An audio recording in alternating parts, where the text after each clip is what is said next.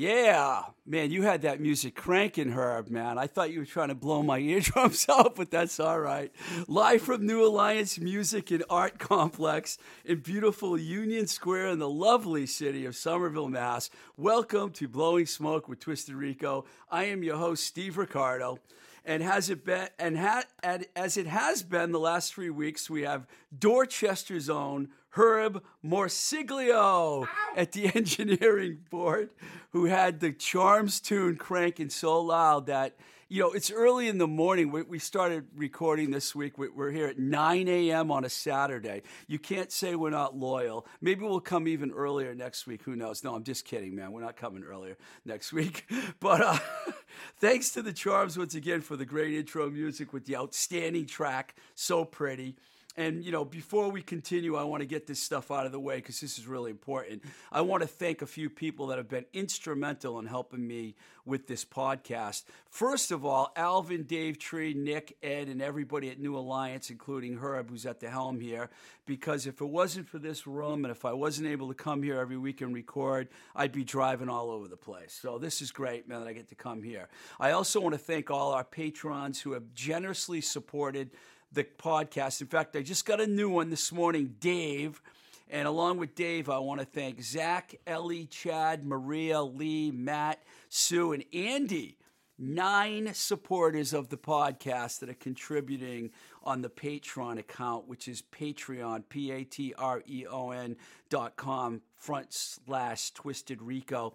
Like I said, it's only a you could start off with just doing a dollar a month and that gets you on board and you can join these this cool club and these cool kids some I know, some I don't know, but it's good. I'm glad. I mean, I want people supporting the podcast any way they can, so it makes me really happy because it's been going really well. We've had a couple of really good uh, shows the last couple of weeks with uh, Alvin Long and Greg Allen. So this week I'm flying solo, so I'm going to tell you some stories. Um, so I've been working at Worcester State University in beautiful Worcester, Massachusetts. I say that with a little tongue in cheek. Worcester is improving, by the way. They're building a baseball stadium there. They're trying to redo the city a little bit, but it will forever in some people's minds be the armpit of New England, and that probably will never change. But I'm proud to say I live in lovely Worcester now. and, um, I started at Worcester State when the semester started, and it's kind of cool because several students have been becoming hip to my podcast, which is really cool because I want to get a younger, I want to get a lot of young people, even though some of them saw the photo of me and Bobby Dall from Poison, and they're like, "Is that you on the right?" And I'm like, "Yeah," and like, "Who's the guy on the left?" I'm like, "That's Bobby Dall from Poison." And they're like who's that? and I knew I was really, I knew, I know I'm, I know I'm like getting old now when they don't remember bands from 1984, but they didn't. So it's okay though. So a shout out to the groovy kids at Worcester State. Uh, you know, thanks a lot for checking us out. Um, I'm going to talk about the Rock and Roll Hall of Fame, or as I call them when I walked in, the Rock and Roll Hall of Shame, a little bit today, because that's always a fun topic here. But before I do that, someone asked me just this week about some of the most outrageous things that I've witnessed in all my years working for labels and touring with bands. And Believe me, I love sharing stories like this. so today I'm going to go all the way back to December 1987 to share a little, a couple of stories with you. I started working at Roadrunner Records in November that year after I left Enigma Records in California and I moved to New York when. Uh, they actually pursued me and offered me a job. So I said, okay, I think I'll try it. I'll go to New York. And I did. It was a job and a time that I have lots of mixed feelings about, and it was short lived. Lived, in fact, I only lasted at Roadrunner for seven months. That's the shortest I ever worked at any label that I worked at over the years. But it was a dreadful experience, except for the fact that Holly Lane and I worked in the same office together at 225 Lafayette, and we had some good times.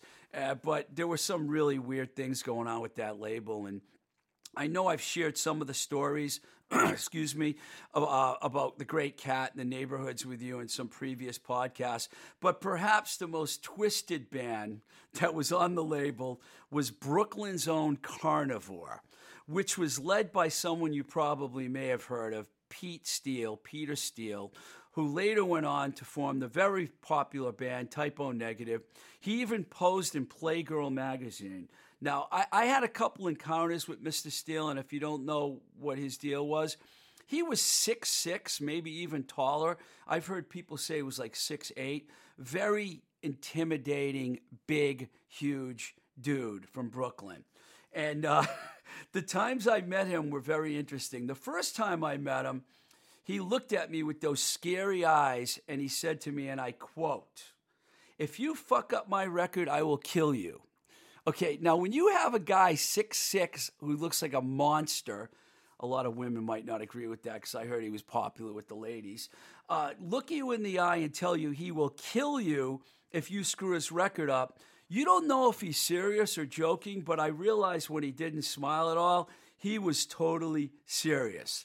So I was like, okay. And I talked to Holly about this, and Holly's like, don't worry, he's cool. He's not going to kill you. Just work hard on his record. I'm like, okay. So I was like, immediately, I was, okay. And I looked for the nearest exit. the next time I met up with Mr. Steele was before a show at CBGB. It was a couple days before Christmas, and I will never forget this show as long as I live. It was a late afternoon matinee. A bunch of bands played, and Carnivore went on. Holly and I went together, and what took place that day was easily one of the most outrageous scenes I've ever witnessed. During the set, about maybe three quarters through, Pete goes behind his amp and he pulls out this white, huge bucket and he puts it on the stage. And all of a sudden, he reaches in and he pulls out what looks like guts or something, and blood is like dripping from his hand. He goes, I've got a present for you reindeer brains. And I, this was no joke. This is something I later heard. He went to this place in Brooklyn where I hear you can get anything, or back then you used to be able to get anything. And he got a bucket of deer brains, okay? And he brought him to the show. And it wasn't bad enough that he held one up with the blood dripping. Then he started throwing it in the audience, and people were like running, and it was the most. Holly and I were laughing our asses off because one of the brains landed right by our feet, and we looked down, and it really looked like brains. We were like, "What the f- is going on here?" It was like one of the sickest things. And he kept going, No, don't run away. It's presents. It's presents from me to you. It's my Christmas presents.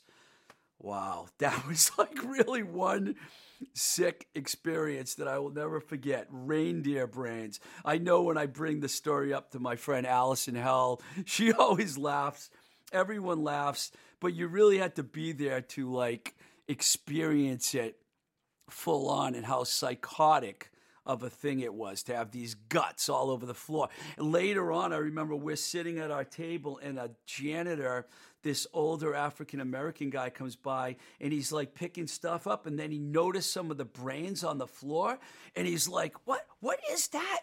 And he runs over to the bar and he's trying to, like, uh, he's basically trying to tell the bar manager that there's something weird on the floor. And he comes back to us. He goes, What is that? And I'm like, they're all over the place. The band threw out brains. You know, I don't know what to tell you.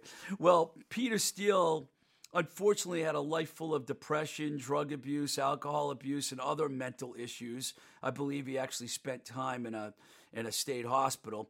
He passed away at 48 years old in 2010. And even though he was had a rough life and he, he scared the shit out of me, I did read somewhere that Pete had a bunch of cats and he even wrote a song about one of his cats, which, in my opinion, makes up for him threatening to kill me.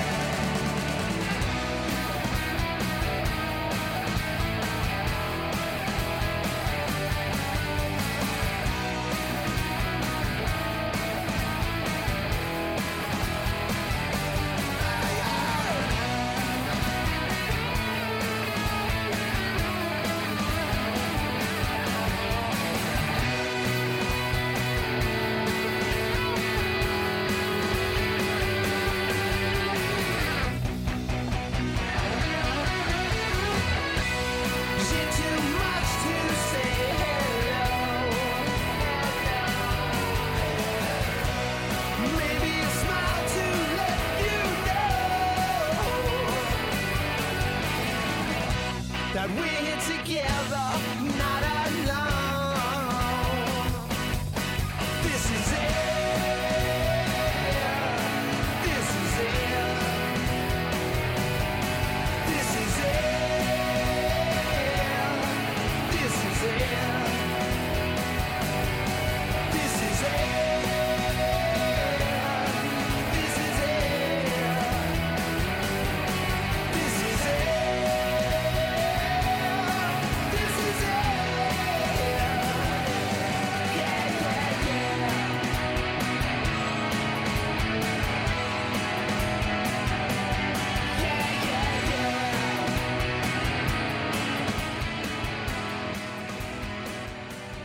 Yeah, yeah, yeah. yeah. Am I live, Herb? Yes. That was the Ape Hangers. This is it.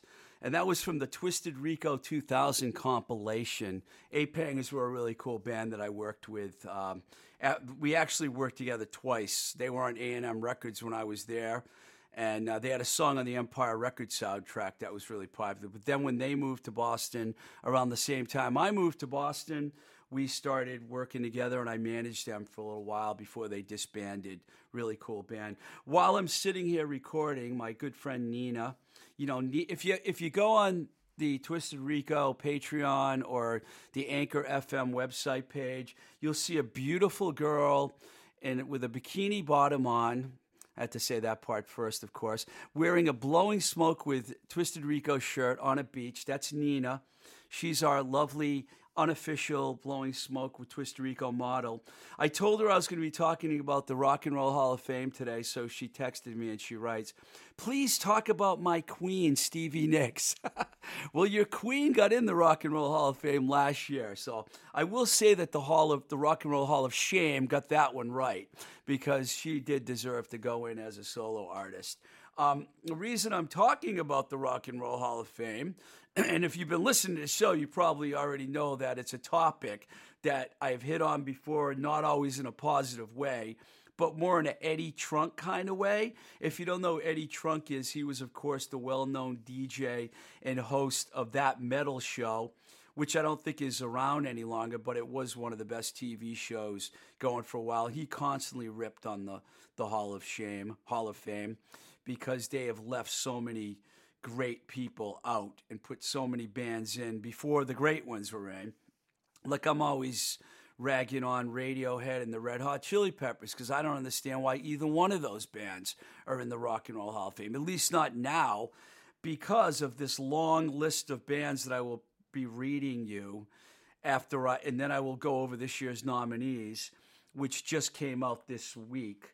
Uh, so once again, we're going to, uh, you know, we're here to like pick our choices and either celebrate with glee or rip the hall to shreds. Once again, when the voting is over, because it doesn't always feel like the ballots are being counted correctly. Sound familiar? That's funny. I'm here with Herb, and he works on elections, but you know there seems to always be problems at the ballot boxes.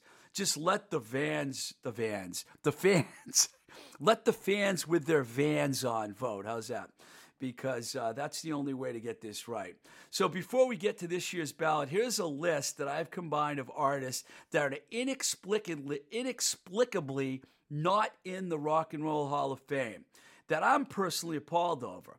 Ready, steady, go. And by the way, I said before this isn't the first time we've gone ape shit over this. It probably won't be the last. But listen to these people that are not in the Rock and Roll Hall of Fame Thin Lizzy, Bad Company, Free, The Runaways, The Buzzcocks, Joy Division, and New Order. Neither one of them. Oh, like they never influenced anyone. The Jam, the band that put Mod on the map, what about hardcore? What about Black Flag and Minor Threat, the two bands that started the whole thing? You know, shouldn't they be in the rock and roll? Hey, we're talking 1980. That was a long time ago. What about acknowledging them instead of the red hot chili peppers and Radiohead? The replacements are not in the Rock and Roll Hall of Fame. Let It Be album, one of the best records ever made. Rage Against the Machine, I would put them in ahead of some of those bands. The MC5 is not in the Rock and Roll Hall of Fame. Here's a good one Iron Maiden. Do you think there would ever be a Metallica if there wasn't, wasn't an Iron Maiden? Maiden? I don't think so. What about Judas Priest? Judas Priest, metal god Rob Halford, is not in the Rock and Roll Hall of Fame. Warren Zevon, one of the greatest songwriters of all time. King Crimson, they put Yes in. Why not put King Crimson in? The Smiths, okay, I'm not the hugest Smiths fan because their singer turned out to be kind of a dork with his political views and everything, but it was a great band nonetheless. And here's three that I will never understand. Steppenwolf, Born to Be Wild, Magic Carpet Ride, Sookie Sookie, The Pusher, God damn The Pusher. And they're not in the Rock and Roll Hall of Fame. What about the Guess Who? They didn't have enough hits. American Woman wasn't a big enough song, I guess, for the Rock and Roll Hall of Fame. I bet you they put Lenny Kravitz in before they put the Guess Who in. You want to bet? I bet they will. And last but not least on my list, Todd Rundgren. Not only for his songwriting and singing, but for being an incredible producer. That's only a partial list. If I went online and I did a search, I would probably find a ton of R&B acts, a ton of Motown acts, a ton more rock bands that are not in. It's kind of an injustice. Now, here are the nominees this year. Okay, some of these are good. All right, I'll give them that. These are the nominees, and then I'll tell you what I who I voted for. Because yes, I'm a I'm a real nerd, music nerd, and I already voted. Uh, Pat Benatar, it's cool. She influenced a whole bunch of women's hairstyles. Not to mention, you know, "Hell Is for Children," one of the great anti-abuse, child abuse songs ever written. I mean, that song, great song. I mean, she had tons of other hits too. Dave Matthews Band. I don't know. I'm not so sure. I did meet Dave Matthews. I did hang, hang out with him one time. I spent a whole day with him. We, uh, we, uh, yeah, we could say that now. It's legal. We smoked some stuff together and other things. He's a cool guy. He's nominated. Depeche Mode. I'm sure a lot of people are going to vote for them. The Doobie Brothers. You know, cool band, mainstream rock band. Whitney Houston, they you know they put Janet in last year, so I guess they feel like they need to put Whitney in this year. And here you go, here's one: Judas Priest. They finally got nominated. Okay, Kraftwerk, very influential band from Germany. Once again, the MC5's on the list. They were on last year. They didn't make it. Maybe this year they'll make it. Motorhead, really cool that Motorhead got nominated. Nine Inch Nails. It's funny because. Um, Trent Reznor went off on the Rock and Roll Hall of Fame for years. And then last year, he inducted The Cure, and he said he kind of forgave them a little bit because they put The Cure in. Guess what? The next year, he's on the list. Politics. The Notorious B.I.G., if you want to talk about rap legends, he's got to be there. Here's a good one, Rufus, featuring Chaka Khan. I liked Rufus. They were an excellent R&B band. Tell Me Something Good was a huge, enormous hit for them. Todd Rundgren's on the list. Cool. He was on last year, didn't get enough votes. Maybe this year he will get enough votes. Here's a surprise, but a good one Soundgarden. Okay, Chris Cornell just passed away. You know, um, Nirvana, Pearl Jam are already in. So they're going in order, I guess, with the Seattle bands. That means in Chains will probably be on the list next year. And I don't have any problem with that. I actually worked with Soundgarden when I was at A&M, and they had three great records in a row, and some of their independent records were great too. So they're a, they became a huge rock band. I remember they headlined the Warp Tour one year with Metallica. It was probably the biggest headline, du- double headlining bill that you could have at that time, Metallica and Soundgarden together. T Rex. Okay, they weren't on my list, but how the hell can Marc Bolan, who kind of invented glam rock in a way with Bowie and Queen and those bands, how can he not be, you know, in the Rock and Roll Hall of Fame? And last but not least, they they got my band that I put first on my list, Thin Lizzy. I saw Thin Lizzy live twice, once opening for Queen and once opening for the Outlaws. Phil Lynott, who passed away several years ago, they were one of the greatest hard rock bands ever. They put Ireland on the map long before U2 and some of these other bands. Thin Lizzy is like a legendary band. Maybe not that long before U2, because I think they were probably around the same time. Stiff Little Fingers was another great Irish band. They'll never be nominated for the Rock and Roll Hall of Fame, by the way. So here I am, time to vote. I could only pick five of these bands. There's no like write-in votes, otherwise I would have written in Steppenwolf and the Guess Who, but I didn't get I didn't get to do that. So these are my five picks. One's obvious, Thin Lizzy. How could I not vote for them?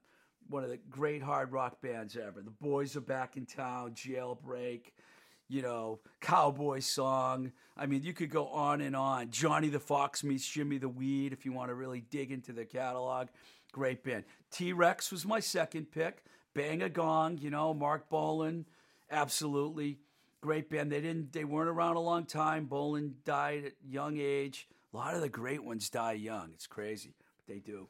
Uh, third, I put Todd Rundgren on my list because not just because of his body of work with Hello, It's Me and Couldn't I Just Tell You and all his hit songs, but because of his producing. He produced Badfinger in 1970. I mean, he was about 10 years old, you know? He's been around for a long time. He deserves a little recognition.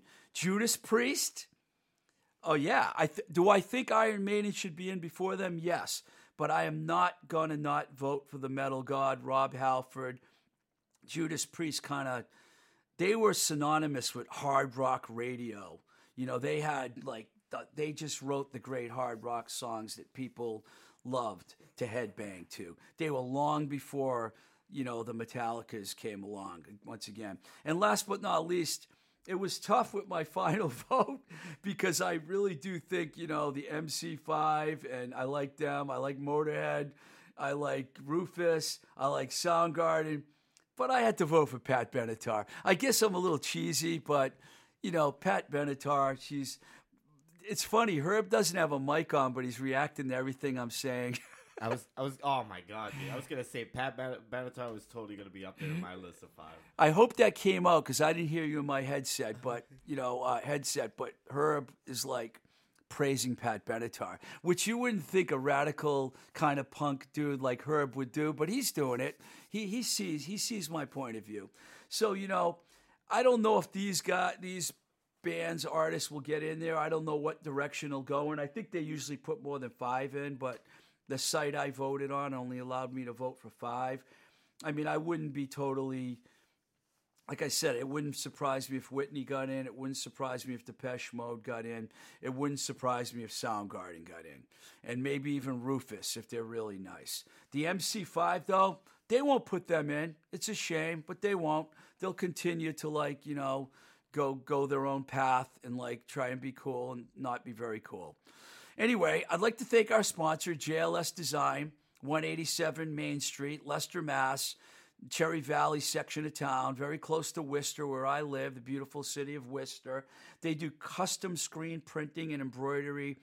I always say this every week. It's a great place for bands to get all their t-shirts, hats, hoodies, etc. You don't have to be in a band though. If you need any kind of shirt, they'll make it for you. They made our blowing smoke shirts for us. It's jlsdesignprinting.com jlsdesignsales at gmail.com. If you tell them that Blowing Smoke with Twisted Rico sent you, you'll get a 10% discount. It might not seem like a lot, but every 10% counts. So go for it. Once again, I'd like to thank our engineer, uh, Herb, for manning the controls and also getting some of our podcasts up on YouTube, which we hope to get more up there because people have reacted to seeing, well, seeing the picture with the audio. But we're going to try and go live uh, with video, right, Herb? I mean, we're, we're, we're working, we're trying to work that out. Soon you'll be able to see, I don't know how bad you would want to see me, but you'll be able to see some of our guests uh, on a video for you know will be li- it'll be a video basically. Every year the podcast will be a video. You'll also be able to still get it on itunes and anchor and google podcasts and podcaster and all those other fine locations that have it. So but stay tuned for more video or some video. And once again thank you for listening to blowing smoke with twisted rico Uh, I'm your host, Steve Ricardo. Please consider supporting us on our Patreon page. I have to say this because we got to pay our bills. Patreon.com slash Twisted Rico, where you can get exclusive updates, photos, etc. Till the next time we say goodbye. This is Steve Ricardo. I'm your host of Blowing Smoke with Twisted Rico. Keep the rock and roll alive.